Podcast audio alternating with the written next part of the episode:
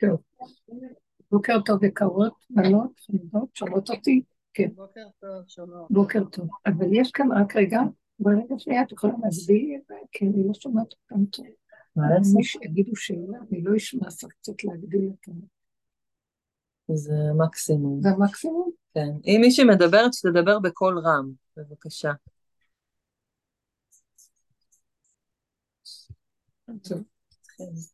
אולי תכניסי כאן.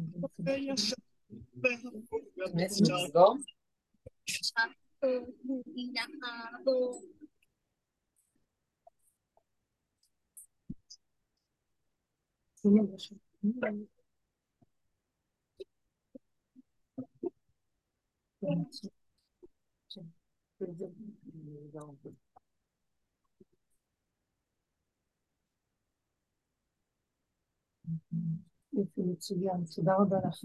תודה. סליחה על ההתארגנות, בוקר טוב, שלכם. אני קיבלתי כאן סדרה של שאלות שלא עניתי, לא התייחסתי אליהן כל כך, אולי פה ושם דיברנו על זה, גם ענה לבנות את התשובות. יש שתי אפשרויות, או שבנות יעלו שאלות חדשות, או שאני אשתמש בשאלות הקודמות.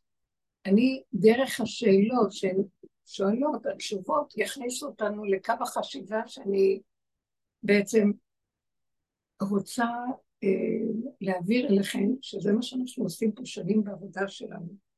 יש לנו קו חשיבה אחר מסדר העולם. הקדמה קלה שאני נותנת, שאנחנו מעוניינים לרדת מהסדר חשיבה של המוח. ההיגיון והסדר הטבעי של המוח, שאנחנו אחוזים בו, חיובי, שלילי, למעלה, למטה, לאורך, לרוחב, זמן, מקום, אז איך נחיה? כי ככלות הכל העולם זז בצורה הזאת, בתוכנית הזאת. אבל בתוך התוכנית של העולם, אנחנו עובדים כמו העולם, אבל אם יש משהו שמפריע ובא איזה כוח של התנגדות, אנחנו עובדים עם הדרך שאנחנו עובדים בה. כלומר, לא נותנים ממשות להפרעה של הזמן, של המקום, של המימדים, של ההיגיון של העולם. לדוגמה, שאלה אותי מישהי, אה, אפשר בבקשה דיוק בהסבר לפי הדרך, מאיזה מקום נכון לקרוא את פרקי התהילים. עכשיו, אנחנו בעבודת, בדרך העולם, יש לנו מוח שאומר צריך לקרוא תהילים, זה זמן מצוקה, צריך להגיד תהילים, התהילים יש להם אה, סגולה לעזור לכלל, זה נאמר מפי דוד המלך, יש שם את רוח הקודש שבו, אם אנחנו מתחברים לתהילים, אנחנו זורמים דרך הכוח שנמצא בהם. אז, אה, ובדרך העבודה היא שזה נכון שיש נתונים כאלה בתהילים, אבל אני, שימו לב, המצב שלי, הרגשי, הנפשי, הפיזי, לא נותן לי, אין לי רצון להיכנס לסדר הזה ולהשתלב איתו עכשיו. מה אני עושה כשיש הוראה להגיד תהילים? ואנחנו בדרך שלנו לוקחים את הידיעה ומשקללים אותה עם המצב הנפשי והרגשי שלנו. לא מדלגים על זה. לא שאני מאמינה למצב הרגשי שלי. בדרך הטבע, מה שאמרה לי מישהי אתמול, שהשכל גובר על הלב. מוח הוא מעל הלב. אבל אנחנו רוצים מהלך אחר. אנחנו רוצים לפרק את המוח של עץ הדת ולגוע ביסוד הלב. יסוד הלב בגלות ישן. אני ישנה וליבי ער בלשון הפוכה. אני ערה וליבי ישן. אנחנו בגלות משתמשים במוח, ההיגיון, השכל, הנתונים, מנותקים מהאמת שנמצאת בנפש שלנו, ברגש שלנו, לא רגש שאנחנו מכירים, כי הרגש של החיים שלנו זה רגש שמופעל על ידי המוח. המוח אומר דבר, ואז אנחנו מפעילים את הרגש. אה, המוח אומר אדום, ואז אני אומרת, או, אדום, ואז הכוח האציוצטיבי עולה, וההרגשה שלי לגבי הצבע הזה, והחוויות הקדומות שלי, זה משהו מותנה. ואילו אנחנו רוצים לסגור את המוח ולחוש מה זה אדום באמת בלי שהמוח יתנה את זה, יעלה את הזיכרון האסוציאטיבי. אני רוצה רעננות של הלב, שהלב יוביל אותי. יחי לבבכם לעד. הלב הוא יותר חשוב מהמוח.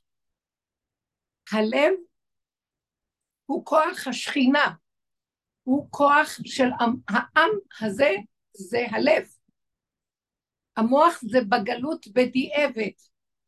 הדעת, בגלל עץ הדעת, אז עלינו למוח של הדעת, זה גם לא מוח באמת אמיתי, זה מוח שהוא תחת מסך של בלבול ומסך של סבך של אה, טשטוש. אנחנו לא מבוררים, הדעת שלנו לא מבוררת. ישנה, ישנה דעת עליונה עליונה שהיא מאוד מבוררת, היא זכה. אתם יודעים איך קוראים לה? היסוד של הדעת האמיתית בעולמות העליונים נקראת רשע דלית ידה. הראש הלא יודע, שיודע הכל. כלומר, מזה שהוא לא משתמש בידע שכמו שיש בעץ הדת פה בעולם תחת החוק של חטא עץ הדת, תחת התוכנה שהכניסו לנו במוח כזה, יש אכילת חטא עץ הדת, זה תחת מסך, תחת בלבול, תחת אה, טשטוש, אנחנו לא רואים ברור, כמו שאדם הולך בערב, והוא לא ברור לו אם מה שבא, אם הוא הולך בדרך זה עץ או אדם בא לקראתו, לא ברור לו, יש חושך, ככה אנחנו נראים. המוח מעורפל. אנחנו מעוניינים בדרך שלנו, בעבודה שלנו. עשינו עבודה בכל הדורות על הדעת הזאת, וביררנו את התורה דרך הדעת הזאת, וחכמים קיבלו אור מהדעת העליונה לברר את הדעת של עץ הדעת בתוך התורה ובתוך החיים, ההיגיון וכן כל השאר. אבל אנחנו רוצים להביא תורת אמת, רוצים להביא את האור הראשוני שהיה לפני חטא עץ הדעת. ועל כן אנחנו צריכים להזיז את המוח הזה. וכדי להזיז את המוח הזה זה לא להאמין למוח, לא להאמין לסיפור שהוא מספר לנו. ואיך נעשה את זה? טוב, זה כבר עוד שאלה. ואז כאשר אנחנו מזיזים את המוח הזה, אז אנחנו מתחילים לחיות כמו ילדים קטנים שחיים מהתוואים שלהם, מהחושים שלהם, שהם קולטים בצורה נכונה את הדבר, לא דרך המסך של המוח.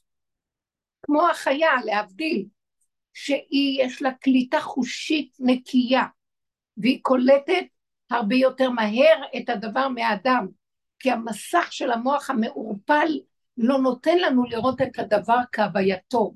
זה תמיד עובר דרך המוח שחושב, שמהרהר, שבודק, שוקל ותורה ומתווה ימין, שמאל, נכון, לא נכון, מותר, אסור, טמא, טהור, וכל שישה סדרי המשנה האלה, אנחנו בעצם במקום שרוצים להגיע לסוד הראשוני, שאדם רואה דבר ופונקט, הוא יודע מה הוא רואה. זה לא צריך להגיד, רגע, רגע, מה אני רואה עכשיו? איך קוראים לזה? מה ההגדרה של, של הדבר? בואו נבין את זה. זה כלי המוח שאנחנו עובדים בו. זה כלים טובים, ברור שזה יותר טוב מאשר להיות חיה רעה שמוציאה את התוואים שלה בעולם, ועל זה אמרה, על זה אומר גם בעל התניא וכל זה, שמוח שליט הלב.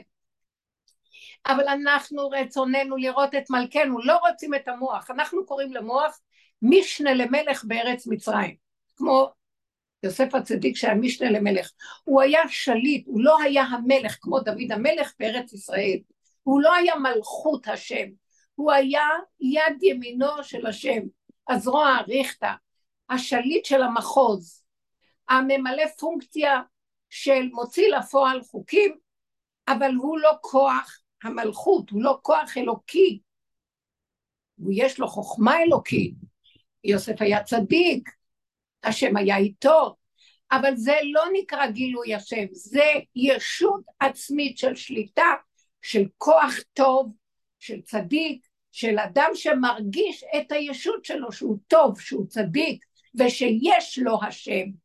אנחנו מדברים על גילוי מלכות השם. המוח הזה מפריע לגלות שאין אני, זה רק הכל מציאות השם יתברך. ונרגיש את המלכות שלו בכל משלה, מלכותו בכל משלה. אז כדי להגיע למצב הזה, אנחנו מתחילים להמעיט את המוח שלנו, לא לתת לו מקום, לא לתת לו כוח. אנחנו חיים עם המוח הזה, אז מתי נתחיל לעבוד עליו? כאשר יש לי סתירה. המוח אומר לי, תעשי כך וכך, אבל יש לי התנגדות גדולה, לא רוצה, משהו מתנגד. בעולם של המוח, בגלות, אנחנו משתמשים בכוח ההתגברות והמלחמה נגד הלא רוצה, נגד מה שבא לי.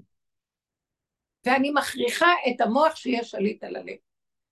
אבל בעבודה שלנו זה לא ככה. אני נעצרת ואומרת, כוח ההתנגדות שבא לי, מישהו שלח אותו, מה רוצים להגיד לי? לקראת הסוף, כוח ההתנגדות יהיה מאוד מאוד גדול. אנשים רגילים להתגבר, לעשות דברים, כי חייבים, כי צריכים, אין מה לעשות. לקראת הסוף האדם יעשה מה שהמוח אומר לו, והכוח של ההתנגדות יוסיף להתגבר, עד שהוא לא יוכל להתגבר על עצמו, בכוונה ובכוח שהשם יעשה כוחות מניעה גדולים מאוד. כמו שכתוב בפרשת האזינו בסוף החומש, שירת משה. כי יראה כי אוזלת יד ואפס עצור ועזוב ואמר אי אלוהי מוצור חסיו זאת אומרת שאנחנו נגיע למצב שמה שלא נעשה כישלונות, מה שלא נעשה לא הולך, מה שלא נעשה בלבול, מה שלא נעשה איבוד שליטה, אין למוח שליטה על המציאות. זה מראה דבר מאוד מעניין, שהמוח הזה רק זמני נתנו לו רשות להיות יכול. ובאמת הוא היה רק משנה למלך. באמת באמת השם רוצה להגיד, רגע חבר'ה, שכחתם. נכון שנתתי לכם רשות להיות בעלי שכל ושררה, ולנהל את העולם, ולסדר מדיניות, ולהנהיג משפחות, ולעשות הכל. לקראת הסוף. במסכת עירובין או סנהדרין, אני לא זוכרת כתוב, באחרית הימים. בן קם באמו, בן קם באביו, בת באמה, כלה בחמותה, פני הדור כפני הכלב. אף אחד לא מקשיב לאף אחד חוץ ביסגי. אין סדר, לא מקשיבים לסדר, אין כבוד לסדרים, שהסדר מראה על שליטה, על יכולת שליטה, אין כבוד לדבר הזה. תוהו ובוהו, זאת אומרת המוח לא עובד, לא הולך לו. מי זה עושה את המקום הזה? אתם לא ראיתם מה קרה במדינה קצת לפני, וגם הרבה זמן זה ככה, אנחנו רואים את זה הרבה מאוד זמן.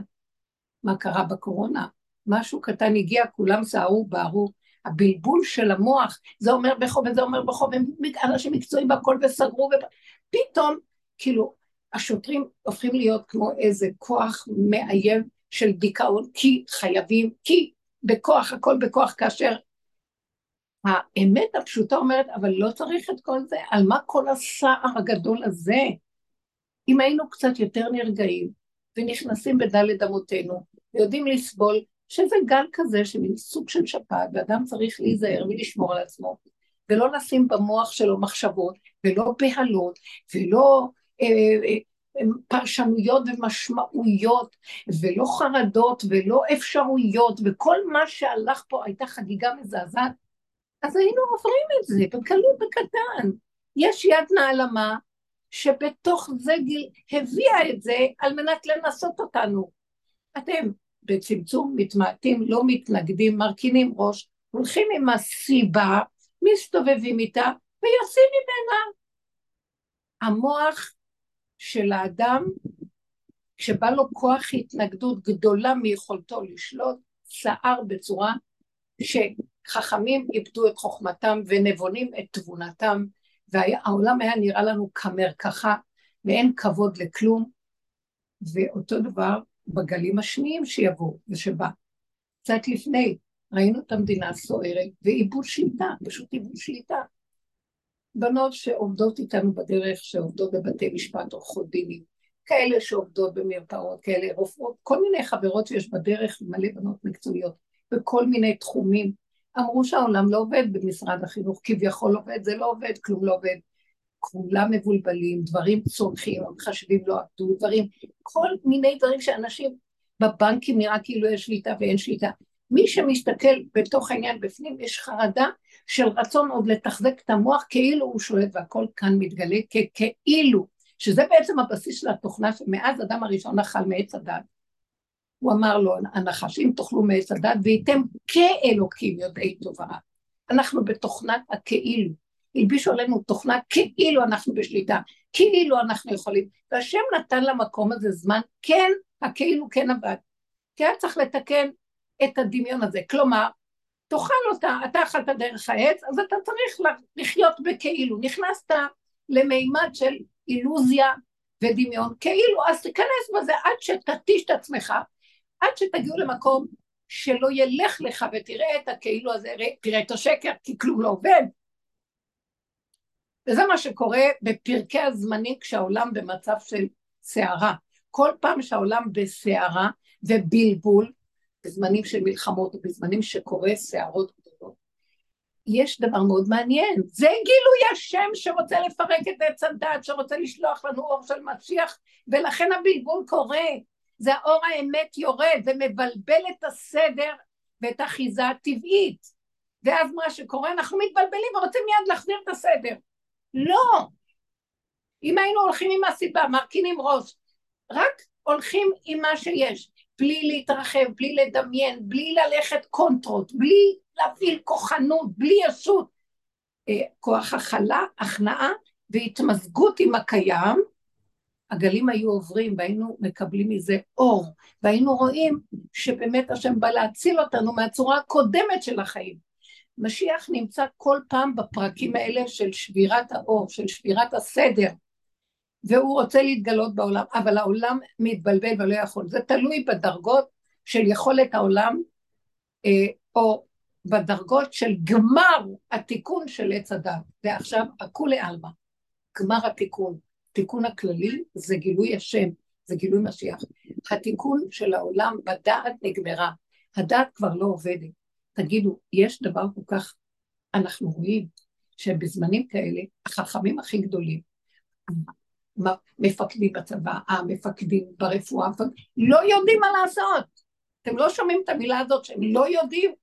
אין תשובות, לא מבינים, לא יודעים, זה אומר בכל, זה בכל מתבלבלים, אם זה מתחיל מדרגות השליטה הגבוהות, ואחר כך מדרגות המקצועיות, עד למציאות שאת הולך לרב לשאול שאלה, זה אומר לך בכו, וזה אומר לך בזו, עד למדרגות הפשוטות שאדם שהולך לעבודה גם כן לא יודע, לא ברור, שום דבר לא ברור, והכל רק כאילו.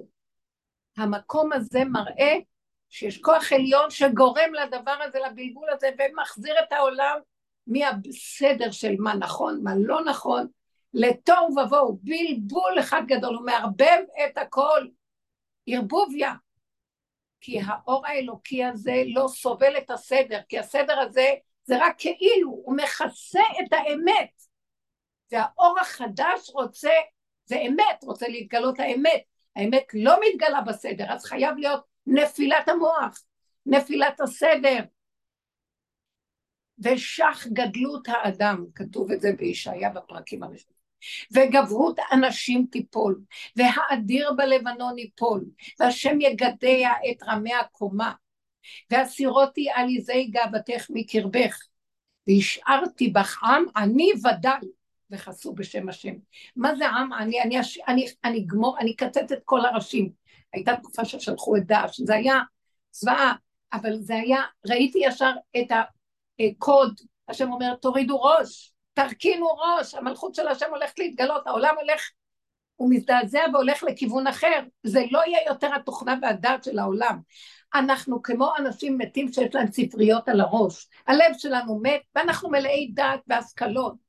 אין כלום, גם הפרופסורה וגם כל זה, הכל אספק, זה, זה, זה, זה, יש שם איזו מקצועיות קטנה, אבל מלא מחשבות ורעיונות והבנות, אה, אז איך קוראים לזה, כל מיני אפשרויות, יש איזה אה, אה, פזות וכל מיני, וזה המקצועיות, זה זורק בזה וזה זורק בזה, וכל אחד שמביא איזה רעיון יותר, וואי, עף בשמיים מהשני מקבל דרגה יותר גבוהה. אבל אנחנו לא מחוברים לבשר, לא, אין לנו לב. העובדה היא למה? בואו אני אגיד לכם, שאנחנו במדרגות גבוהות, אני אגיד לכם מה, סיפור. הייתה מישהי שבאה להתייעץ איתי, אישה מדהימה, שהיא הייתה, היא שמעה את השיעורים, והיא הייתה אה, בדרגה גבוהה של אה, פרופסורה במכון ויצמן. והיא אומרת, אני קיבלתי, התקשרה ואמרה לי, אני קיבל, קיבלתי משרה חשובה במכון. אמרתי לה, יופי, יש בזה תנאים טובים, משרה טובה, לכי על זה. לכי על זה, שמה תנסי לקיים את הדרך. לעבוד עם מה שאת יכולה, ולא מול האנשים יותר מדי, כי זה מבלבל. אז אחרי איזה פרק זמן היא חזרה ואמרה לי, תשמעי, אני לא מסוגלת להישאר שם יותר, אני עבדתי איזה חצי שנה קצת יותר, אני אומרת לך, זה שקר שאי אפשר לתאר. מה? אני כותבת מאמר, אני רואה שהשני, מה שאני השקעתי בזמן, לקח לי המון זמן לכתוב כל, כל העניין שם זה לחדש מאמרים בדרגות הגבוהות, כל אחד כותב מאמר מקצועי יותר גדול, וזה, על זה כל התחרות שם, כן? אבל התחרות כל כך גבוהה, והזלזול אחד במאמר של השני, כאילו, זה נכון שמסתכלים על זה בכל, אבל בפנים אין פרגון. כל אחד רוצה להיות בראש, כל אחד רוצה להיות יותר גדול מהשני ויותר ממציא ומחדש ויותר מוביל. ואני לא יכולתי לעמוד בתחרות הזאת, אני נגמרת. איזה מין דבר זה? אי אפשר לתת, אין, אין ערך. אז היא אומרת לי, המלחמה שם כבר זה לא הייתה המקצועיות, זה פסאודו מקצועיות. זה כל הזמן להראות מי יותר ומה יותר ואיך זה, ומפוצצים אותך בכל מיני רעיונות ודברים, שאת כבר באיזשהו מקום אמרתי, זה לא בשבילי המקום הזה, אני לא רוצה. זה לא טוב, זה לא המקום הזה. זאת אומרת, אז יש נניח מוח גבוה. איך אני אבחין אם המוח הזה הוא טוב, כדאי להשתמש בו או לא? המידות, כשזה בא לזמן של התנסות, איזה קולגה אחר כתב משהו, איך אני מרגיש כלפי מה שהשני כתב. אני מקנא, אני שונא, לא יכול לסבול, אני, התחרות בוערת בי, אה, אני אכתוב עכשיו עוד יותר, נכון שיש מה שנקרא קנאת סופרים, תרבה חוכמה, זה נותן דרבון, אבל זה כבר, זה הופך להיות תחרות של לדחוק את רגלי, אחד את רגליו של השני, צרות עין, קנאת איש מרעהו, זה לא מוח טוב, זה אף מדי באוויר, ואין לו בסיס, אין לו לב, אין לו לב, לא אכפת לו שיש כאן יצור נברא שמשקיע, לא אכפת לו על עוד משהו מסביב. המקום הזה קשה. אז אנחנו באים ואומרים, כאן אין שכינה, אין לב, אין שכינה, אנחנו בגלות, כי המת של הלב שלנו מת. כל עיקר עבודתנו בגלות הזאת, לקראת הסוף, השם עוזר לזה, הוא מתחיל להעמיד את המוח, שמתם לב מה קרה במדינה בשנים, האקדמיה פרחה, כמו תרבות יוון משגעת, אקדמיה, אקדמיה, הכל הפך להיות אקדמיות, אקדמיות, אני זוכרת את זה גם, אה, היה לי, הייתה לי עמותת חינוך, שאספתי בנות, כל מיני בנות מדהימות, שרצו דרגה של מוסר ואמונה ודרגה של אה, עבודה פנימית בתוך הלימוד גם יחד, ושילבתי את זה. אה, משרד החינוך לא נתן לי אפשרות לתת להם אה, רק, היה לי מדרשי, הייתה, היה תיכון והיה גם סמינר להוראה לקראת הסוף. אני רציתי להישאר בגדר סמינר פשוט של שנתיים, תעודת הוראה פשוטה. לא, משרד החינוך אמר, לא, את חייבת להיות מכללה. בלי המכללה את לא יכולה לקבל רישיון.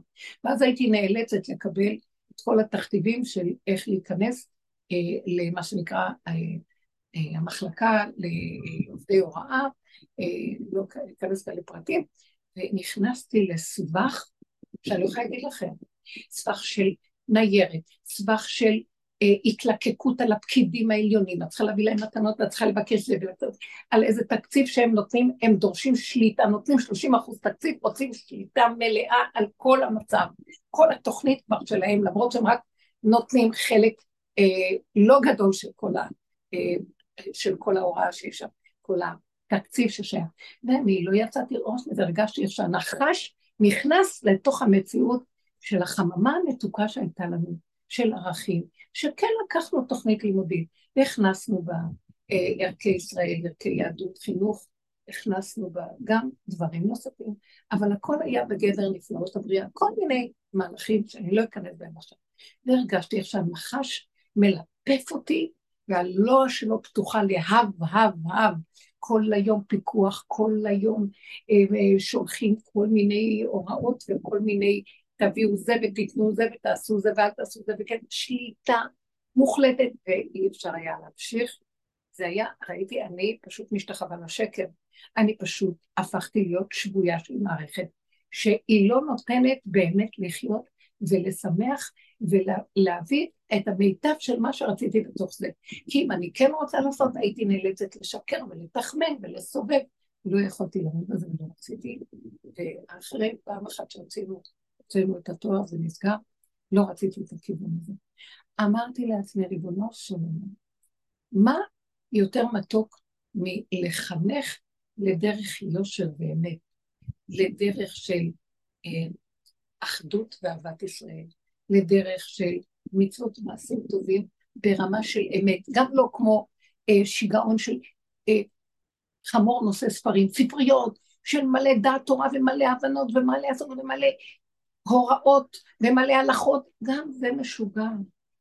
איזון, פשוט, נקי, בתוך מציאות החיים, להסתובב העולם של מלכות השם הולך ומתגלה. הוא לא רוצה מאיתנו את המוח הגדול הזה, כי יש בו שקר, הנחש מוביל, כוחי בעוצם ידי, גדלות וגאוות האקדמיה, הישות העצמית וההתפתחות שלה, המוחית, זה עף על עצמו, אין שם שכינה. זה כמו, הוא מנותק, מאיפה נמצאת שכינה? אמת מארץ תצמח. כוח, מה זה השכינה? כוח אלוקי שנמצא בחיים האורגניים פה. בואו ניכנס לתוך החיים האורגניים, נשמע את הפעימה של הבריאה. את הפעימה, התורה זה חוק הבריאה. השמיים מספרים כבוד כל, ומעשה ידיו מרגיד הרקיע. יום ליום יביע עומר, ולילה ללילה יחבר דעת. אין עומר ואין דברים, בלי נשמע קולם. שקט. הכל מדבר, הציפור מדברת, העץ מדבר, החיים מדברים. השם נתן לנו חוקים טובים, גם אנחנו התבלבלנו בתוך החוקים, גם החכמים וגם הדת התבלבלה בתוך כל הדעת הזאת, מלא ספרים, מלא דת. נכון שדרך זה אנחנו מפרקים את הדעת של המוח, אבל מה שקרה הוא, במקום שזה יפרק הפלפול של החכמים כנגד הבלבול של העולם בחוץ, זה נקרא תלמוד בבלי, כנגד הבלבול, מה שקרה הוא כל כך הרבה דעת ולימוד וכל כך הבנות וכל כך הסדות, שכבר גם, זה גנב גם אותנו. גם התורה נגנבה בתוך כל ה... וואי, כמה, כמה, כמה. ויש גם שם גדלות וחשיבות וגאווה, ואדם פועל, הוא עושה מה שאומרים לו, אבל הוא נגנב אף על עצמו גם. זה חשוב יותר, זה יושב במזרח, ויש לו תואר כזה, זה רב, זה ההוא, זה שם. לא בא להגיד כלום, אני באה להגיד שהסכנה, כתוב, יש איזה ממרה באנגלית, אם השוטה, אני אגיד את זה באנגלית, if the fool will persist in his folly, he will become wise. אם השוטה יתמיד בשטותו, הוא יהפך להיות חכם. שמעתם? אם השוטה רק תתמיד, תהיה שוטה, יאללה, לך על זה עד הסוף, בסוף יתהפך עליך הגלגל ותהיה חכם. ואני גם יכולה להבין מזה ולהסיק שאם החכם יתמיד בצורה הזאת של ההשכלות ואיך שזה, הוא יהפוך להיות שוטה, וראינו את זה בחוש. העולם השתתה. חוכמת החכמים הסתתרה, בינת הנבונים נעלמה. מה הולך פה? האדם הפשוט, ילד קטן אומר, המלך עירום, אין לו בגדים. האמת היא פשוטה, והיא נמצאת מארץ תצמח, ואנחנו הולכים על הכיוון הזה לגלות אותה. זאת אומרת, לאט לאט, אני חוזרת לשאלה הראשונה. איך להגיד תהילים? עכשיו, בדרך של טבע של אדם דתי, יאללה, תפוס את התהילים, תתנפל עליו, תגיד תהילים, הרבה תהילים, כל העולם תהילים, 80 יום תהילים, 40 יום כותל, הרבה... אנחנו... ואז אני אומרת, יש ספר כזה, עשיתי ונושעתי, בואו תעשו ותראו, סגולות, עניינים. אני אגיד לכם את האמת, זה לא תורת אמת. זה לא תורת אמת. תורה זה להשתכלל עם הבשר ודם, אני רוצה להגיד פרק תהילים, אבל שגם, לא רק המוח שלי יכפה על כל המציאות שלי להגיד תהילים, ואני גומרת על כל המציאות חוץ מהמוח שאומר תהילים. לא, אני רוצה לצרף את הידיים ואת הרגליים ואת המעיים ואת כל מציאות הגוף שלי. את הכל אני רוצה לצרף באמירת התהילים.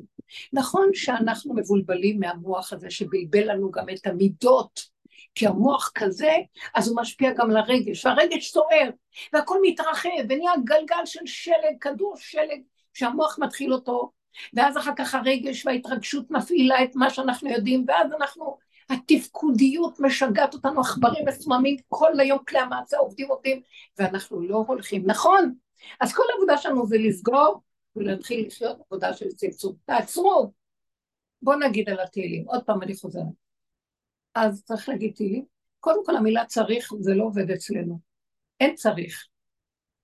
והנכון שכרגע שאנחנו מבולבלים, אז הסדר חייב לתת להתוות לנו דרך, אבל המטרה שלנו לפרק, לחיות באי סדר בלי בהלה. שמעתם? המטרה היא לסגור את המוח, כי הוא ישר מנקודה קטנה עושה מיליון נקודות, כמו המחלה, הוא מתפשט, ואז ההתרגשות גם פועלת, ואז הידיים והרגליים, ואז כל המציאות ש... לא, סליחה. יש נתון קטן, כמו שאמרתי אתמול על הנושא של המלחמה. יש נתון. אני לא יודעת אם היינו הולכים בדרך אמת והייתה לנו הנהגה של אמת, הנתון הקטן הזה היה צריך להיות נקודתי, מבצעי, קטן. אנחנו, הכל מתבלבל, הרשתות, והתקשורות, והבני אדם מדברים, וההתרגשות, וההתפעלות. נכון שקרו דברים כאובים. הכאב הזה חייב ללכת לתכלית, להעלות אותו מהשם, מהלב הפנימי. כל דודי דופק, אני פועמת, אני דופקת לה בדלת. אני אומרת לה בדלת. אני אומר, אני איתכם, אתם לא איתי. אני לא רציתי שזה ככה, אני לא חפץ בקורבנות אדם. הלוא השם נתן לנו, שהיה בית מקדש להקריב קורבנות, במקום קורבנות אדם, אומות העולם הקריבו קורבנות אדם. השם לא רצה קורבנות אדם. הוא אמר, גם אני לא צריך קורבנות. מה לי קורבנותיכם? ככה כתוב בספר ישעיה. מה לי עולותיכם וזבחיכם, יאמר השם. וכי תבואו לרצות פניי, מי ביקש זאת מידיכם רמוס חצריי, אל תבואו לי בקורבנות. מה אתם מעדיפים את זה את זה? מה אתם רוצים להגיד לכם? אפשר לסגור בבקשה, אפשר לסגור. לא, רק אחד אפשר. לכבות רמקולים.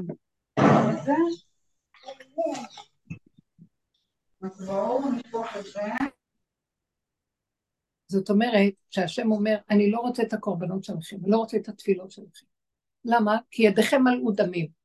במעשה שלכם, בלב שלכם, במידות, מעשה זה המידות, אתם לא איתי, אתם בפיהם כיבדוני, וליבם לא נכון איתי, רחוק ממני. הם מכבדים אותי, הדיבורים בלה בלה בלה בלה, האמת לא נמצאת שם, אז אני לא רוצה את זה.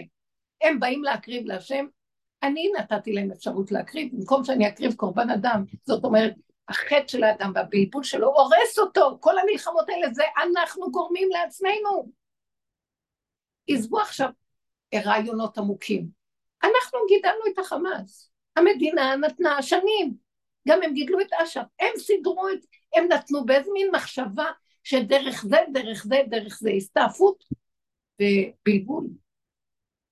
עד היום עוזרים לרשות הפלסטינית ומחמשים אותם כדי שהם כביכול יטפלו בכל האלימות שיש שם, אבל בסוף האהובים מופנים אלינו. עכשיו, אני לא באה לדבר פוליטיקות, אני לוקחת נתונים, אני מאוד נזהרת בפוליטיקה, אבל הנתונים הם דוגמה, אנחנו עושים את זה לעצמנו. אנחנו גורמים את המצב הזה. עם ישראל יושב על ארצו, חזרנו אחרי אלפיים שנות גלות יותר. למה חזרנו לפה? בוא נלך לאוגנדה. הרצל הציעו לו, הוא הציע גם שכל מקום שנלך, מה יכול להיות? ליהודים צריך להיות מקום, בסדר, אבל מי אמר שזה חייב להיות פה? אבל התעקשו שזה יהיה פה. אז אם התעקשו שזה פה, הארץ הזאת לא שייכת לנו, היא שייכת להשם. זה המאמר הראשון בבראשית בפירוש של רש"י. כתוב למה פתח, כך פתח רבי יצחק מהגמרא ואומר, למה כתב אה, הקדוש ברוך הוא התחיל את, את החמישה חובשי תורה בספר בראשית? שמה אנחנו צריכים לדעת? זה ספר היסטוריה של אומות העולם ושל העולם. איך התהווה העולם, ומה נהיה מהגויים, ואיך נהיה גויים. אבל יכולנו להתחיל באמת, התורה היא ספר חוקים, תתחילו מספר שמות, שיש שם את התחלת החוקים הראשונים, החודש הזה אה, יהיה לכם אה, ראשון הוא לכם לחודשי השנה, תקריבו את הפסח, כל מה שציוו אותנו בראשית, אה, בספר שמות בהתחלת הספר, שאת פה, כדי שאחר כך נוכל להתחיל לקיים את התורה שנקבל. חוקים. אומר רבי יצחק, למה נתנו לנו את הספר הזה שמספר היסטוריה? הוא מביא פסוק מהתהילים ואומר, ראשית, יש פסוק בתהילים שאומר, אה, כדי להגיד, אה, רגע, אה? כי הוא רוצה להגיד שאת הארץ הזאת, אני לא זוכרת, לרגע נעלם לי הפסוק. השם לקח לי את הפסוק לרגע ואני אגיד לכם מה, מה שורש, מה הוא רוצה לומר. הוא רוצה לומר, כדי להגיד לנו, כוח מעשיו, הנה הפסוק, כוח מעשיו הגיד לעמו, לתת להם נחלת גויים. זאת אומרת, למה הוא עכשיו מספר לנו את זה? כדי להגיד לעם שלו, שאנחנו נדע שכוח מעשיו, השם הוא השליט על העולם, הוא רוצה להגיד לעם שלו, כי כוח מעשיו יגיד לו, לתת להם נחלת גויים. שהוא בא לתת להם את הנחלה של הגויים. עם ישראל יצא ממצרים, הוא לא היה עם, הוא היה שבטים. למה פתאום צריכים להיכנס לארץ ישראל שישבו כאן שבעת עמי כנען? למה היו צריכים להכניס את העם הזה, שרידי חרב, בניו של אברהם, יצחק ויעקב, לארץ ישראל? כי השם הבטיח לאברהם אבינו את הארץ הזאת, זו הארץ של השם. עכשיו הבנים שלו עברו דרך המדבר, קיבלו את התורה, נהיו לעם, השם אומר להם הארץ הזאת שלכם בואו תיכנסו לארץ ישראל. אבל ישבו כאן שבעה עמים, ישבו כאן הכנעני, החיטי, האמורי, הפריזי, היבוסי, הגרגשי, עמלקי ישבו כאן, פלישתים ישבו כאן. אה, למה היה צריך להוציא אותם? איזה מין דבר זה? למה הם ישבו כאן קודם? מגיע להם, זה שלהם. אז השם אומר, להגיד, כוח מעשיו הגיד לעמו לתת להם נחלת גויים. אני נותן לכם, הארץ הזאת שלי. למה אני משרש ומוציא אותם מפניכם? כי אתם תקיימו את התורה שלי, את חוק סדר האמת בעולם. אם אתם מקיימים את התורה, כל העולם יהיה ניצול מהזוועה שהייתה במבול וכל ההתרועעות, כל פעם שיש רוע בעולם, מלחמות וצער, ואתם על ידי קיום התורה בארץ ישראל, שזו הארץ שלי, גם לא שייכת לכם, היא שייכת לי. אני נותן אותה לכם בתנאי שאתם מקיימים את החוקים הנכונים. ואם אתם לא מקיימים את החוקים הנכונים, אני גם אוציא אתכם. אין לכם מעלה יתרה, יש לכם בזכות התורה, בזכות שאני נותן לכם, בזכות אתם בניו של אברהם, יצחק ויעקב, ואתם, אני, אני אוהב אתכם. אבל אם אתם תלכו בדרכי הגויים, אז אני גם מוציא אתכם מפה. חזרנו אחרי אלפיים שנות, אז זה אומר הפסוק. אה, ככה אומר, אני אגיד לכם את כל ה... ראשית גויים, ככה אומר להם רבי יצחק, למה פתח רב, אה, בתורה? מאחר, והוא לוקח את הפסוק מתהילים, אבל ראשית גויים, אה, כוח מעשיו יגיד לעמו לתת להם נחלת גויים. שאם יאמרו אומות העולם, אומות העולם יבואו ויגידו, ליסטים אתם, אתם שודדים, גנבתם, שכבשתם ארץ שבעת עמים, לקחתם את ארץ שלנו, איך אתם באים ולוקחים מהמדבר, מי אתם בכלל? זה השם הצליח אותם, הם כבשו את הארץ. יהושע, כיבוש יהושע.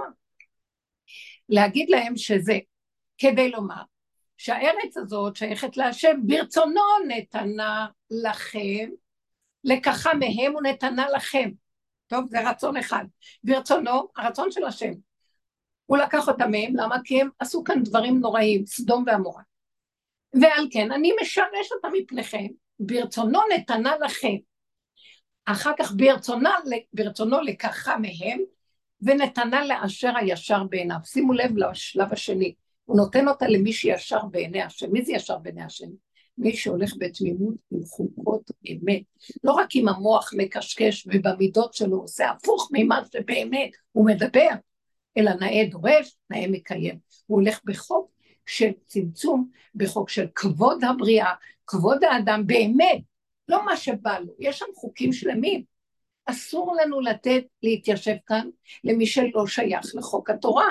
יכול להיות גר ותושב, מי שלא יהודי ולא שייך לו התורה, הוא לא חייב לקיים את התורה, אבל שבע מצוות בני נוח הוא חייב לקיים, שזה גזל ועריות, ולא לאכול, אה, לא לשחוט חיה חיה, כן, לא לאכול על אדם, זה חוקות שגם הגויים מצווים, שבע מצוות בני נוח, הם מחויבים לקבל שבע מצוות בני נוח, וגם לכבד את התורה ולהיות תחת חוק התורה שאתם בעצם שולטים ומכתיבים את החוק כאן, כי זה הארץ שלכם.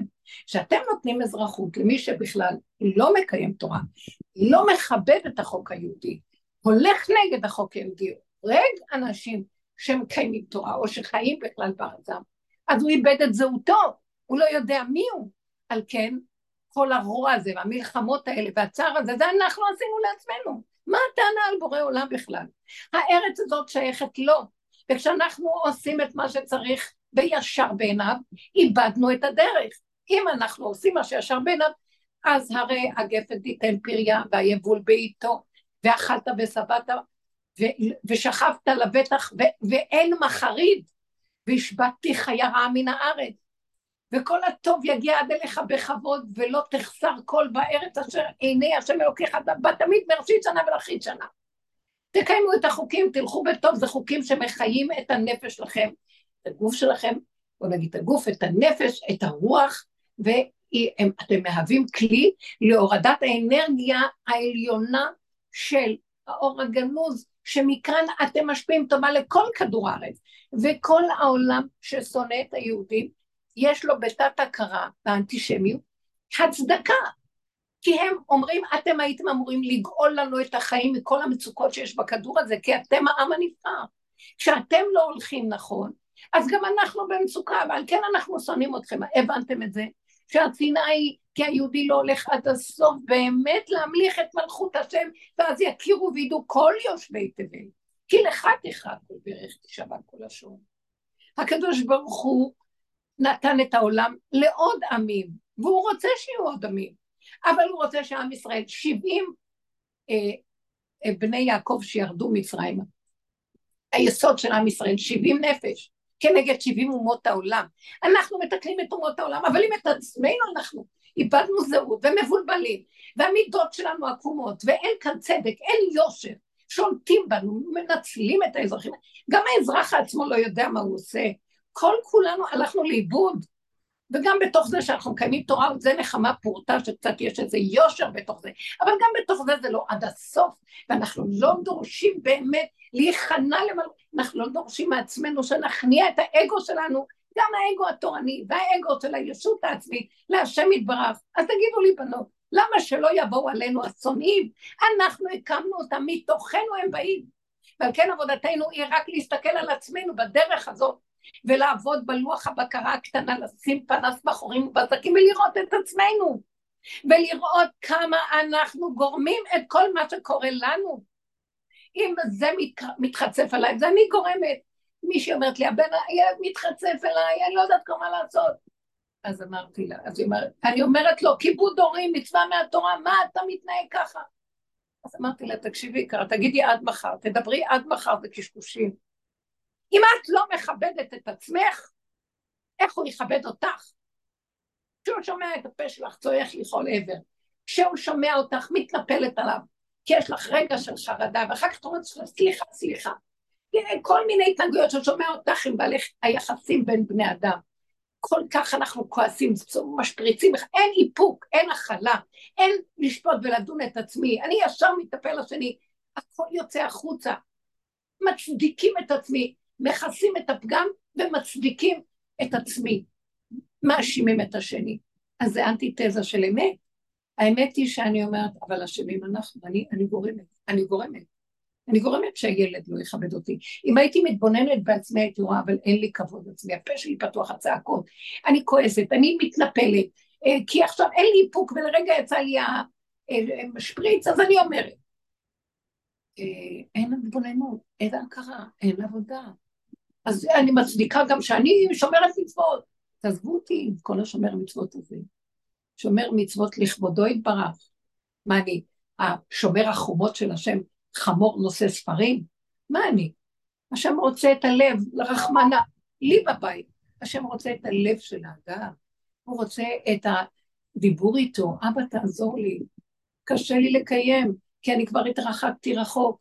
ואני כועסת על הילד ואני חרדה עליו, מה יהיה? והוא עושה דברים שמפחידים אותי, מה אני אעשה? אז הוא אומר, אה, אני מדברת איתו, אני שומעת, לא שומעת, המוח חוזר, אומר לי שתשובה, הילד שלך הוא שלי, את רק אה, פיקדון, שמתי לך אותו כפיקדון, נכון שאת צריכה לשמור, אבל יש איזה גבול, ואם הוא מתנגד לך מאוד מאוד, זוזי הצידה, לא בכוח יגבר איש.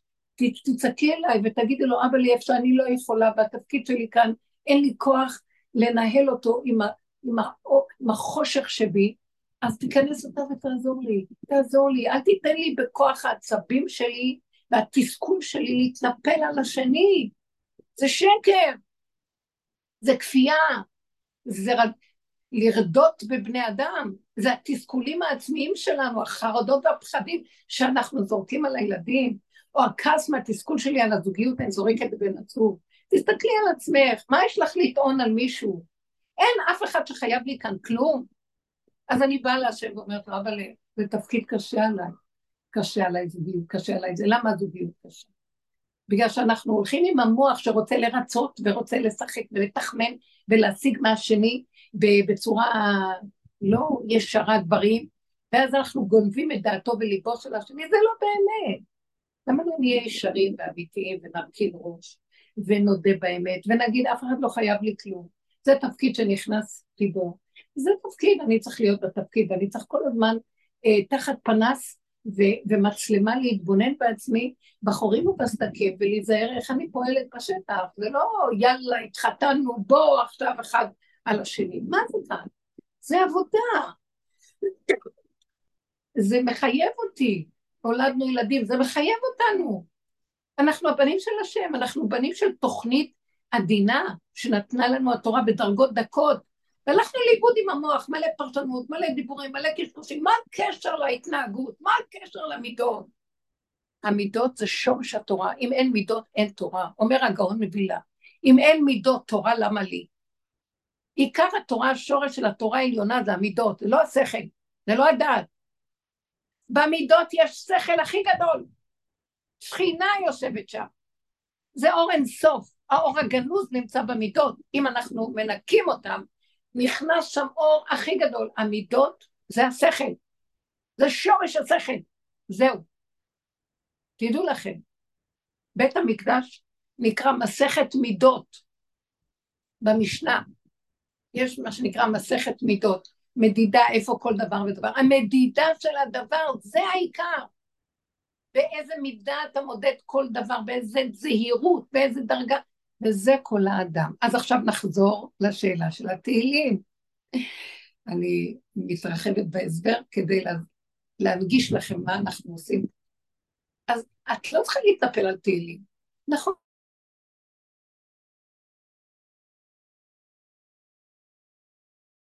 תגידי שלוש פרקים.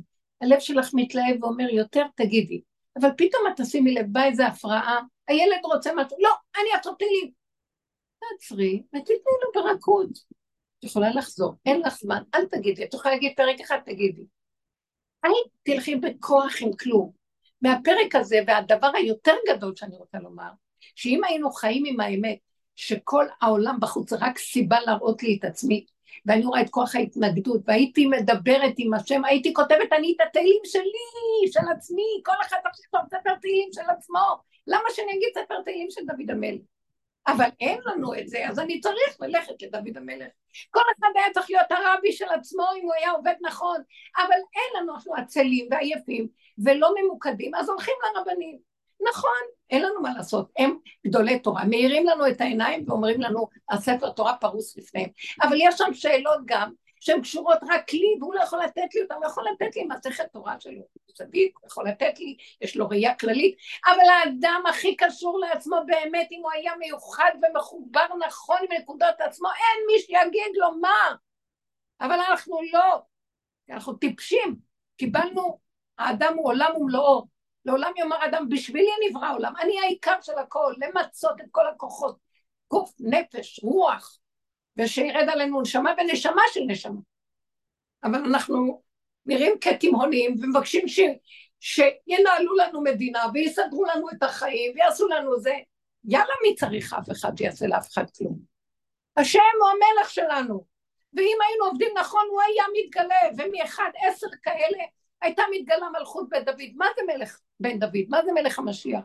הוא לא ירדה באף אחד, הוא יראה לכל אחד שהוא בעצמו יש לו כוח משיכות. שהוא בעצמו כוח נכון. הוא ייתן לבני אדם את הדרך הכי נכונה איך להתחבר לעצמם ולעבוד עם עצמם. זה נקרא אור משיח. הוא לא יגיד להם, אני שולט עליכם, תעשו מה שאני אומר לכם. הוא, י, הוא ירחם על אנשים ויעזור להם למצות את כוח האמת הטמון בהם, להקים את השכינה, כוח האנרגיית החיים הקיימת בהם, ולמצות אותו שכל אחד יהיה בפני עצמו ולא יזדקקו זה לזה, זה התכלית המיועדת. וגר זאב עם כבש והרים גדיר בת, כוחות ההתנגדות יפלו, כי כל אחד יסכים להכל ולא יהיה התנגדות. כי הוא גילה את הנקודה של האמת בתוכו ואת האלוקות מתוכו, אז מה הוא צריך לרוץ לכם? משהו בחוץ, לא מפריע לו כלום, אתם לא מבינים? זה הדרך שאנחנו הולכים בה. ומשם האור הזה רוצה להתגלות עלינו, אבל אין כלים. באה איזו שמועה, כולם איבדו את המכנסיים, כולם רצים ומתבלבלים. נכון, זה שמועות קשות, ואנחנו גורמים את זה. אני רק יושבת ואומרת, אבל ריבונו שלם, אשמים אנחנו, אבל אנחנו גרמנו. חטאתי נגדי, תמיד אומר דוד המלך. אני גרמתי, אני לא יכול גם לא לגרום, אני תקוע. תרחם עליי ותציל אותי מהמציאות שלי. אנחנו תקועים פה, סגר עלינו המדבר, מוכים בסנוורים, אתם לא מבינים? מה אני עכשיו אצפה? מי עושה מה ומה יעשו ולא יעשו? אם אני רוצה לעזור שאלה שיושבים למעלה יקבלו קצת שכל, אז אני צריך לתת עבודה פה כדי ששם יתראה עליהם איזה אור שינחה אותם. השם מנחה אותם, אחרת לא, אין לנו סיכוי פה, הוא מרחם על העם שלו. גם לאט לאט הוא יזיז את כל ההנהגה הזאת, יתחיל להתגלות אור חדש. זה לא אור של אמת. אנחנו מבולבלים כאן נורא. איבדנו את הזהות העצמית, לא ברור לנו אם אנחנו יודעים למה אנחנו פה. בואו ניתן לכל מי שבא לכאן מה שהוא רק רוצה, ונדחקו הרגליים של האזרח האמיתי פה, אזרח הארץ, מה נהיה פה? אז אין לנו מקום, פליטי חרב, שרידי מלחמה של דורון בגלות, סוף סוף יש לנו את הפינה הכי קטנה בעולם, פחות ממה שיש, כל הארצות של העולם, הכי קטנה. גם את זה נחלק עם כל שבעים אומות העולם, מה יש לכם? מילא שיהיו עם חוק התורה וילכו, יכבדו את החוק של התורה שלנו. הממשלה לא מכבדת, זה לא מכבד, הכל הפוך על הפוך. אז איך נקיים פה מדינה? לא מתאים. אז זה מה שאומר רבי יצחק ברש"י הראשון בספר בראשית. אם אתם הולכים בדרך הישר, אני נותן לכם את הארץ, ולא מה, מה אתם שונים מאומות העולם? תזכרו את הדבר הזה. אז אני אביא אומות העולם עליכם. תכף יתחילו להתקבץ כאן כל אומות העולם, והנבואות של גוג ומגוג יתחילו להיות. מי צריך את זה? בואו נעשה פנימיות העבודה, תשובה. בזכות נשים צדקניות נגאלו ויגאלו, כי הנשים יכולות להבין מה אני מדברת ולרדת לעומק. להתכנס פנימה, ולבוא באין אונים להשם, כמו שאמרתי לכם, כי יראה, כמו שכתוב פרשת האזינו, יהיה כזה בלאגן פה, כי יראה כי אוזלת יד ואפס עצור ועזוב. ואז הוא יגיד, איפה השם? היי אלוהים, איפה השם? פתאום כולם ירימו עיניים לשמיים, לא לממשלה ולא לאף אחד, כי אין לנו אלא לשאת את עינינו אל אבינו שבשמיים, הוא כבר לא בשמיים. אנחנו צריכים להוריד אותו לפה, רב אושר היה אומר, תמשכו לו את הזקן. עד שלא, אני אומרת, עד שלא יישארו שם שערות בזקן. זה ציור קשה, אבל תורידו את האור הזה פה. לא בשמיים היא ולא מעבר לים, לא בעץ רחוקה, זה בתוך הלב שלי, בתוך המציאות שלי, בתוך המידות שלי. להיאבק עם המידות, להיאבק עם התוואים, להיאבק עם הרוע שיש בתוכנו, להיאבק. הרוע זה ביוב, אתם לא יכולים להיגאל עד שלא תיגעו בביוב שלכם. כי זה מסך מבדיל, אז אני אביא את החמאס עליכם. זה הביוב שבתוככם, מה חשבתם שזה חמאס? אין כאן מנוחה מהחמאס הזה, ולא מאף, כל מה שקורה פה רוכש עלינו. תתקנו את הביוב עד מחר, אם אתם לא יורדים לשפץ אותו ביסודות, מי יכול לתקן ביוב כזה? אז לפחות תעצרו ותגידו, אבל אשמים אנחנו. אבא תרחם עלינו אם אתה לא תתגלה, ואתה תעשה את העבודה האחרונה, השם יילחם לכם ואתם תחרישון, אין לנו סיכוי, תרחם עלינו. הוא רוצה לשמוע את הזעקה הזאת. אבל זו צריכה להיות זעקת אמת, שאדם באמת עשה הכל, ובאמת הוא כבר לא יכול כלום יותר, והוא מכיר שהוא לא יכול, ומה שהוא לא עושה זה עולה וצף וגואה עליו. אז זאת העבודה שאנחנו צריכים, זו עבודה חשוכה, אבל שכרה בצידה. כל מה שעבדנו ונכנסנו פנימה עוד בגל הראשון של הקורונה, 20-30 שנה קודם, אז כולם, כל אלה שבדרך אמרו, זה אנחנו יצרנו, אה, זה אנחנו הורדנו אור כזה על ידי עבודה, לא אנחנו, אני בגאווה, זה כאילו, העבודה הזאת הורידה את האפשרות שירד אור כזה, והאור הזה, זה אור עם כזה אור שהוא מראה לך את המטמוניות, בחורים המבזדקים שחשוב שם ואף אחד לא רואה אותם, ואתה נבהל, אוי ואבוי, ככה אני נראה, כן, ככה אתה נראה, ככה אי אפשר להיגאל. בוא תעשה ניקיון. יש ניקיון, לפני פסח, לפני הגאולה, מנקים, תנקו מהחמץ, מה, מה זה החמץ? מהתפיחה של הישות והגאווה והגדלות. על מה אתם מתגאים? מי אתם בכלל? מה יש לכם פה? מה אתם מרימים אף? מי זה מתגאה להוא וזה ההוא להוא? אה, זה, זה, זה נורא, רק מקבלים איזה משרה קטנה, כולם סוררים. הפקידה הכי קטנה בכלל מסתכלת על האזרח שבא לבקש משהו, אה, אין כבוד, אין יחס. שתגיד, זה גדול עליי אה, לשרת כל כך הרבה המונים, זה יפה. אני לא רוצה לעבוד בתפקיד כזה.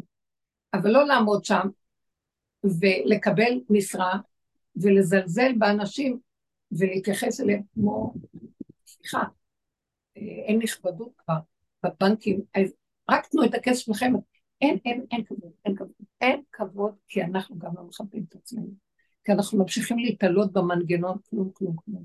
תאכלו מהיד לפה, מה שיש לכם תשתמשו, למה צריכים את כל הבנקים? אנחנו רוצים חיים, כל מיני סגנונות חיים, אז אנחנו לא חיים גם. האמת תהיה כזאת, שהשם יצמצם אותנו צמצום אחד, צמצום ליסוד האמת, ואז נראה פתאום שאנחנו לא צריכים את כל הצורת חיים הזאת כדי לחיות חיים טובים. השקט הנפשי, השלווה, המתיקות, המוח הקטן ששמח בחלקו ואומר תודה על כל מה שנוצר לו. אין יותר גדול מזה. תודה. ולא, יפ... ולא יפסיק השב על השפע להגיע לאדם עד אליו בכבוד. אין מלכות נוגעת בחברתה, בלי קנאה, בלי צרות עין, בלי כלום, בלי כל היום להציץ מה יש לזה ומה יש לזה, וגם אני רוצה זה וגם אני רוצה זה, ולהתחיל לרוץ בתחרות עולמית כדי לסדר את כלכלת ישראל. אל תבלבלו את המוח, כל המדיניות הזאת הלכנו לאיבוד, אנחנו משתחווים לאיזו מכונה משומנת שאין לה לב והיא אכזרית, ורק הב הב הב בולעת כל היום, ואנחנו בגלות. והדרך הזאת עוזרת לנו לפחות להכיר את זה ולצעוק להשם שלא רוצים יותר להמשיך ככה. זו דרך מדהימה. זה הדרך שאליהו הנביא יבוא להשיב אותנו בתשובה, והשבת עד השם אלוקיך, שהתשובה היא להכיר, אנחנו לא יכולים, גבוליים, עשינו כל מה שיכולנו, אנחנו חסרי אונים, אפס, עצור ועזוב, רק אתה השם תגאל אותנו. הבקשה אליו זה אומר לא רק לדבר ולהמשיך רגיל, לדבר, נאה דורש, נאה מקיים. ולהתחיל לחיות בצמצום, לא לתת למוח להשתולל עלינו, לא לתת להתפרץ אחד על השני, לא לתת לחרדה לגנוב אותנו, להביא אותה להשם, להביא את הכעס להשם, להביא את החרדה להשם. הוא נמצא בתוך הכעס והחרדה, הוא שבוי שם גם כן, בואו נחזיר לו את כל המנדט שגנבנו לו, שהוא יתגלה לשלוט בעולמו. אפשר לשאול על זה הרבנית? כן. זה מדהים, כל מה שאת אומרת זה כל מה שאנחנו מדברים כל הזמן, ופתאום כאילו, יש לי איזה משהו שלא מסתדר לי. מצד אחד יש לנו איזושהי טענה על איך שהמדינה מתנהלת, ושזה קורה בגלל שהמדינה מתנהלת ככה וכולי, ומצד שני אנחנו כל הזמן אומרים, מה שאני רואה במדינה ומה שאני רואה בפקידת בנק וזה, זה אני. הרי אין לנו סיכוי שהמדינה תשתנה, אין לנו סיכוי לשנות אותם, אז איך זה הולך בכפיפה אחת? איך אני אומרת שגם זה השם, המדינה, או ההתנהלות של המדינה, או... אוקיי, okay, מאוד יפה. אני צריכה להבין שאני אומרת, זה גם השם, זה גם כן שקר. זה לא השם. מפי עליון לא תצא הרעות והטוב. זה, השם הוא משולל מטוב ורע, כמו התוכנית שלנו פה בעץ הדעת טוב ורע. הוא לא דבר שצריך להגיד לה, זה טוב, השם הוא טוב, השם הוא רע, חד שלום. השם הוא לא זה ולא זה, הוא מעבר לכל זה.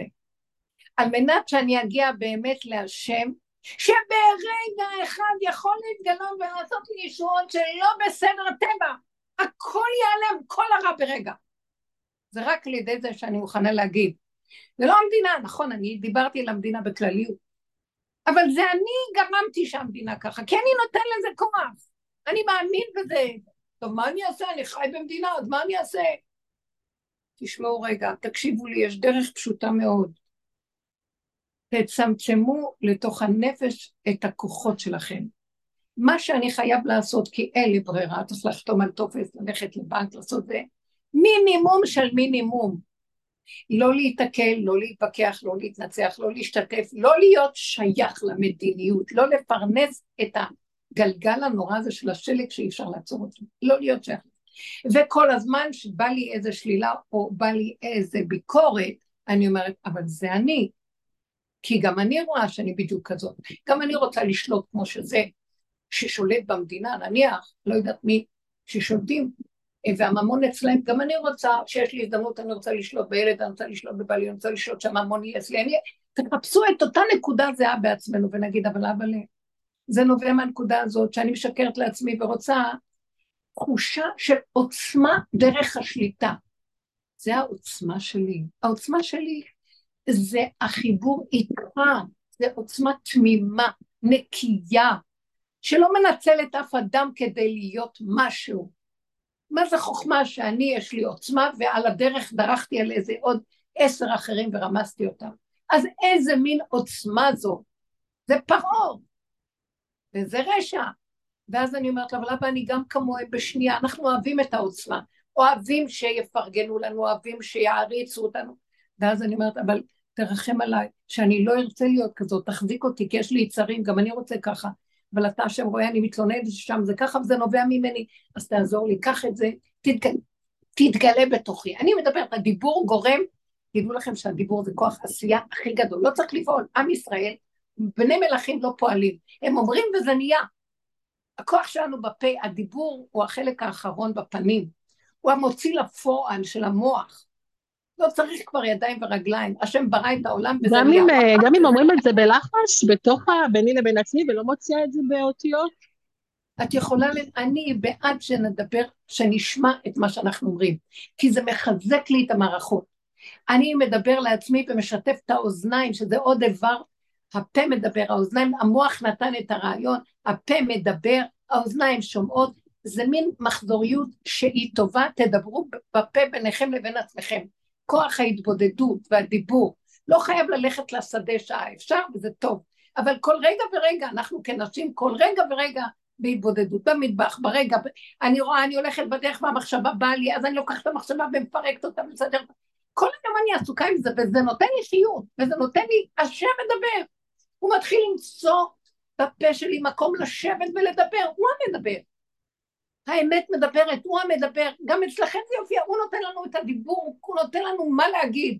הכל ממנו הוא, זה חיות אנרגטית שקיימת בבריאה, כוח השכינה קם מהתרדמת שלו, תדברו בקול, תשמעו, אין כוחנו אלא בפה, והכל קול יעקב, תדברו. יש גם מצבים שכבר נגמר לי לפעמים הכוח, ואני לא מדברת מילה, ואתם יודעים מה קורה? אני מרגישה את הפה הפנימי מדבר בלי להוציא מילה. הוא מדבר, זה איזה פה פה פנימי, פה אסטרלי, פה בדרגת נפש מדבר. זה דיבור אחר, סוג אחר. יבשה שקטה של דיבור. ויש גם מצבים של שקט לחלוטין. אז יש דרגות של תפילה, וזה הכרה פנימית ששותקת, אבל היא כל כולה תפילה. וחד ומיה תהילה. יש דרגות לתפילה. אבל בכל אופן, אני מציעה שבשלבים, כדי, לק... הדיבור מחיה, תדברו, תגידו, הדיבור נותן, הוא גם מבהיר לך את הנפש שלך. את מבררת, כמו שאת מדברת עם פסיכולוג, את הפסיכולוג של עצמך, את מעבירה, מודה, המוח פרוס לפנייך, זה נותן לך בהירות. את מתחילה להוריד את המוח למידות. את חיה, זה לא מוח והגוף מת, ועפים בשמיים, לא. אנחנו חזרנו לארצנו ורוצים להתנחל באדמתנו, זה אדמת הבשר שלנו. ושהמידה שלנו תתיישב בתוך הבשר, שהדעת תתיישב בתוך הבשר, עד שנהיה נביאים. לא נדע מה אנחנו אומרים, כמו הנביאים, שזה לא בא להם מהמוח, זה בא להם מהלב, הלב נובע, ניב, נובע. זאת האמת של העם ישראל, אנחנו הנביאים של אומות העולם, איבדנו את המעלות שלנו. אפילו בלעם יותר טוב מאיתנו, נביא מאומות העולם. איפה אנחנו? מה קרה לנו? איפה העם הנבחר של השם? מה עברנו אלפיים שנות גלות וסבל שאף אומה לא עברה? נשחטנו בכל כך הרבה צורות. בשביל מה? בסוף לאבד את עצמנו פה עם כל המודרנה וכל השקר הזה. זה מאוד יפה. גם, גם ההתפתחות הטכנולוגית היא של השם. גם המכונות של השם, הכל של השם. אבל במידה הנכונה, במידתיות הנכונה, לא שזה ישלוט בנו, הכל שולט בנו, אין לנו שליטה על כלום, זה שולט בנו. ואנחנו שבויים בערי מסכנות של פרעה, בערי מסכנות, במשכנתאות, במשכנתאות, בבנקים, במסכנות, שאנחנו בונים לעצמנו חיים מסכנים, אנחנו חיים חיים מסכנים, מלאים כל טוב ושפע והחיים מסכנים. זה לא אמת, זה לא ישרות, זה לא אמת, זה לא חיים טובים. אני מתפללת, השם, תעזור לנו, תוציא אותנו מהמלחמות האלה, תוציא אותנו מהאסונים והאויבים. אני השונא הכי גדול של עצמי, אני האויב הכי גדול. את המלחמה, במקום לעשות עם השני, תעשו עם עצמכם, תראו איך שהמלחמה הזאת תירגע. הכל יירגע, זה עבודה פנימית, זה לוח בקרה. תיגעו בכל דבר, תלחצו, תצעקו, אין מה לעשות יותר. זה רגע רגע בקטנה שלי. אני האישה הקטנה במטבח, בהליכה שלי לקנייה, בכל דבר, שמה אני מנהלת את המלחמה פה, שם הוא מפסיק אותה, תראו זה יפסיק, אנחנו, זה מתחיל להפסיק את המלחמה, ככה זה מפסיק. השם יתגלה והוא יפסיק את הכל ויתגלה לנו ברחמים, כי אין לנו כוח לסבול. אין לנו כוח, אנחנו לא רוצים תחמנות עלינו של שלטונות, ולא רוצים כוחות של מלחמה ורצים, והלמות התריסים ודפיקות הקלגסים והנפת החרבות, לא מעניין, לא רוצים. אנחנו נשים אוהבות שלום רוצות לגדל את הילדים בנחת, שיהיה שפע, שיהיה ברכה, שאיש תחת גפנו ותנתו, ולא יזדקקו זה לזה, ונהיה במתיקות ונחת. זה מה שאנחנו רוצים, אנחנו נביא את זה. כן. אמן. הרבנית, הרבנית, כן, יקרה. של, זאת אלה, מה שלומך? קודם כל, תודה רבה, זה, זה איש של שפיות השעות האלה בבוקר איתך. תודה. כי אני קמה ואני גרה בצפון, ואני רציתי אבל לדבר על החרדה הזאת, על, ה, על המלחמה, אני מרגישה עכשיו, בימים האלה, שבאמת אני כל הזמן במלחמה על, על, על מה שאת אומרת מצד אחד, ואז יש רגעים של חרדה, ואז יש רגעים של דיבור להשם, ואז רגעים של שתיקה שאין לי מה להגיד. אני כאילו בתוך איזה מין, אני לא יודעת, וזה מעייף, כאילו, אני מרגישה חסרת אונים, כאילו, אין כוח לעשות כלום, אני לא מתפקדת כל כך. אוקיי, יופי, תראי, קיצר, הכל, כל הזמן אני בתוך המלחמה הזאת, מלשמוע מה קורה בצפון, התפתח, לא התפתח, מה קורה, ב... כאילו כל הזמן מין, הרצון הזה לדעת, לסגור את המוח ולהגיד רק השם ולדבר איתו וזה, כאילו, כל הזמן אני רצה בין, בין המקומות האלה, כאילו, זה קשה. תקשיבי, תקשיבי, אלה יקרה ואהובה. זאת עבודה תמידית שאנחנו עושים. את היית בשיעור של אליכין, נכון? אני זוכרת אותך. כן. לא, אה, כן, כן, נכון, כן, אצל שירלי. המקום, המקום הזה של התמדה של הליכה בדרך מביא תוצאות. מה התוצאות בסוף? התוצאות הן שאנחנו מגיעים למקום שלא רוצה לדעת. לא רוצה לדעת, כי הדעת הורגת אותי. למה שאני המזוכיסט להרוג את עצמי? לא רוצה לדעת. אומרים לי, את יודעת, הילד שלך הלך פה, עשה, עשה, זה עשה ככה, לא לי, אני, בנות אומרות לי, זה עשה ככה, הוא עשה ככה, אמרתי, אני לא רוצה לדעת. יש דבר שאני מוכנה לדעת, אם אני יכולה להועיל ולעשות משהו. לא רוצה שיהיה לי במוח קשקושים. אני שומרת על המוח שלי, שמירת העיניים, שמירת המוח. אני שומרת על המוח שלי, לא רוצה, זה גומר אליי. מה כוחי להכיל את כל זה? מה אני פח זבל של האנושות, של השקר של התרבות הזאת עם המכשירים האלה, הם עושים על גבים מיליוני כספים, למה אני צריך לספק להם את זה ולהרוג את עצמי? איפה יש חוק כתוב כזה? איבדתי את השכינה שלי בשביל מישהו. אז הדרך שהייתי תקופה הולכת אומרת, ואני שיא הדעת. אני ביסוד שלי, אין ספר שלא קראתי, לא, אני מגזימה, אבל קוראת, לומדת, יודעת, משנים, שנים, שנים. אה, אימא שהייתה אומרת, סקול, שולמית, סקול is it. שולמית, בית ספר זה את, את מציאות של ספר, ספר, בית ספר. עד שהגעתי למקום שאמרתי, לא רוצה יותר ספריות, לסגור את הספריות, לא רוצה יותר לדעת, לא רוצה כלום. כי זה גומר את הבן אדם, מוסיף דעת, מוסיף מחוב. לא רוצה דעת של עץ הדת יותר, אני רוצה דעת מבשרי, דעת של הלב, הלב יודע. והלב יודע, אתם יודעים איך הוא יודע? הוא נותן ידיעה שאת יכולה להכיל, והיא מתיישבת בכלי, וזה אמיתי, זה כמו שאת אוכלת ברמה שאת יכולה לאכול, מה שמתאים ומה שנכון וטוב לך והגוף מתייצב לך, מה שלאכול כמו משוגע והכל כואב ולא זה פשוט אה, הורס את הגוף. אז אנחנו צריכים להגיע למידתיות הנכונה, רק לעבוד על המידות. לסגור את המוח, לא רוצים לדעת. יש, אני לא מתהלכת בעולם שאני לא יודעת בו, אבל תסננו, יש ידיעה קטנה, ופה עוד ידיעה קטנה, ופה עוד משהו קטן, מה אני יכולה לעשות עם זה? אם אני רואה שאני לא יכולה, אז אני אומרת, טוב, תגידי משהו, תמסרי להשם, זה עולמו של השם, זה לא שלי. זה עץ הדעת, שרצינו להיות במקום השם, וייתן כאלוקים, תביאו לי עוד ידיעות, עוד דעת, עוד, אנחנו צריכים לדעת מקצה העולם ועד קצה, מה קרה לאיזה סיני באיזה מקום ולאיזה, אה, באוסטרליה לאיזה מישהו שנפל לאיזה, מה אני זוכרת? תקשיבו, מי יכול להכיל את זה? זה שיגעון הגדלות, זה שקר, זה מכלה את הנפש, זה הורס כל חלקה טובה באדם. אסור ללכת עם זה. יש לנו את מה שהשם נתן לנו. רגעים שהמוח שלנו כזה ריק והכל ריק, קחו ספר טוב, תקראו כמה שורות, תחשבו רגע אם אתם יכולות לחשוב ולא להתפזר במחשבה ולנסות, איך אומר איגרת הרמב"ן, כל מה שקראתם, תראו אם אתם יכולים גם לקיים את זה, לא שסתם יעמוד לכם במוח ספרי ספרים. פשוט אל תשתגעו עם המוח, תלמדו להוריד אותו לאדמה, לבשר, תעשו מעשים, תעשי כדרות, תעבדי עם האדמה, תעבדי עם הצמחים שלנו, תעשי פישול, תהיי, כשאת קולפת את הירק, תהיי עם. עם הקולפן ועם הירק, תסתכלי על הצבע, חושים, תפעילו את החושים, תסתכלי על הצורה, תעשו טוב, תפתחו את הפה, תודו להשם, תגידו לו, אבא, אני אוהבת אותך, תודה רבה, אני ילדה קטנה שלך, תשביע את כולם, תשמח אותנו. פותח, אה, פותח את ידיך ומשביע לכל חי רצון. תגידו מה שעולה לכם, השם ידבר מהפה שלכם, שכינה, תחגרי את הסינור, תיכנסי למצב של להיות עם השכינה הקדושה, השכינה זה כוח אורגני, אלוקי אורגני, נמצא פה איתנו בחיים, והוא מתהלך איתנו, האשת חיל שאנחנו אומרים בערב שבת. היא פועלת ועושה בלי לאות, בלי לחשוב, אין שם מחשבה. זה פעולה אחר פעולה אחר פעולה, נגמר, זה יוצא, זה בא, זה... אין מוח. שמתם לב בשיר, בפיוט הזה של אשת חיל? אין שם תחושה של לב, זה שלמות המידות. זה הפגנת שליטת המידות בצורה הכי יפה. יש שם אלוקות, מנחה אותה. אני רוצה ככה להיות. מה זה כל החיים פה? עם ישראל נמשל לאשת חיל. אנחנו הנקבה של השם.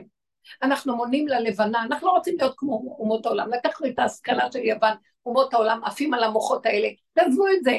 עם ישראל היה חייב בגלות החכמים להיכנס במוח של אומות העולם, בתוך הגלות, ולהתחיל להיכנס במוח תלמוד בבלי בבבל, בגלות, כדי לעשות תיקון למוח הזה. אבל באמת נגמר התיקון של המוח. כל באיה לא ישובון. מי שיושב עם המוח הזה נגמר לו הכל. אני אגיד לכם את האמת, נחשים בולעים שם. תרדו, תערפו את הראש הזה, כלום. תשימו את המוח בחושים, תורידו אותו לבשר ודם, תורידו אותו לכאן ועכשיו, להתנהגות ולהתנהלות של רגע רגע, קמים, נופלים, נופלים, קמים. גם לא כל הזמן להיות במוח, אי אפשר לצעוק להשם כל היום כשהמוח פתוח, אפשר להשתגע. פשוט להתחיל להיות יהודי פשוט, לרדת לפשטות. אני לא אומרת לכם עצות, אני מדברת ואני מתחננת להשם שהדיבור הזה יעשה אצלכם פעולה. זה מה שאני מבקש ממנו, אבל אין לנו כוח כבר לעשות שום עבודות. אני כבר מסנגרת על כלל העולם.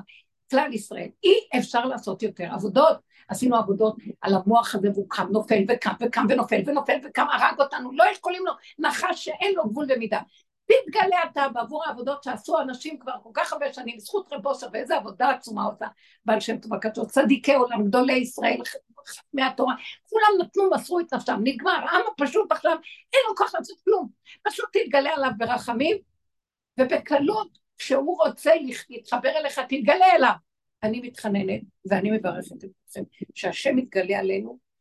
טיפה של מצוקה שיש לכם, מיד תפנו אותה להשם, אל תנסו להתמודד.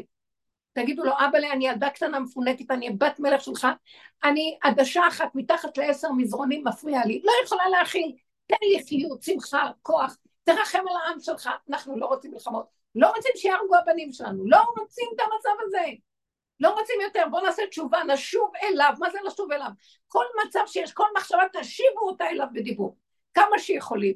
אחר כך תלכו להירגע, תשתו כוס קפה, תלכו קצת להליכה, תעשו משהו שמח, תשמחו עם הילדים, אל תהיו כל היום עם המוח, אבל אם פה ושם נקודות עבודה, עכשיו אני בשעה מרוכזת, אז זה נשמע כל היום, אבל באמת באמת, תלמדו גם לחזור לעצמכם, לחבק את הנפש העלובה של היהודי הזה, מוכת גלות, שרידת חרב, פליטת מלחמה של דורות. בקשו רחמים עליה, זה השכינה שבקרבנו. ורחל מבכה את בניה, מאנה להנחם. אני אומרת לה, רחל, תפסיקי לבכות, תפסיקי לבכות ותקומי. הבנים שלך לא רוצים אותך יותר בוכה, אנחנו רוצים אותך שמחה. קומי, בואי איתנו, את החיות שלנו, בואי, זה השכינה בתוכנו. שכינה בקרבנו, שכינה בתוכנו, אמרנו את זה בהושענו, שכינה, אמרנו את זה בשמחת תורה. עם ישראל חי וקיים שכינה בתוכו. כל מה שמתגלה עכשיו זה אור של השכינה. ואם אנחנו נלך לתוך המחשקים שלנו ונדבר איתו בהכרה של התוודות על חטא, כמו יום הכיפורים, סליחה, שאנחנו איתך, ברחמנות עלינו. אז הוא ירחם ויגאל אותנו, לא ללכת בכוחנות. מה מועיל לי הפחדות והפחדים והחרדות? שה, שהמוח הזה מקשקש, הוא רוצה לגנוב אותי, הוא רוצה להסיח אותי מהקשר שלי עם הבורא. הוא לא רוצה ישועה, הוא רוצה להשליט את החרדה והפחד על העולם כדי לשלוט על העולם. קונספירציה של עץ הדת, רשעות, אנחנו לא מוכנים. בואו נהיה חזקים, חזק חזק ונתחזק, כי השם אלוקינו בקרבנו ולא לא ירפה ולא יעזוב אותנו, כי אנחנו הבנים שלו, ואין לו אומה יותר חשובה מאיתנו שהתמסרה אליו. אפילו כל מה שקרה והבלבול, אין לו כלה יותר יפה מאיתנו. אין לו פריירית יותר גדולה מאשר העם הזה. אנחנו אחריו, לכתך אחריי במדבר בארץ לא זרועה, זכרתי לך חסד נעורייך. השם יזכור לנו וירחם עלינו. תודה רבה לכם. תודה רבה. תודה רבה. תודה רבה. תודה רבה רבנית, ממש מחיי נפשות, תודה רבה. ממש, ממש, תודה להשם. תודה רבנית. איך?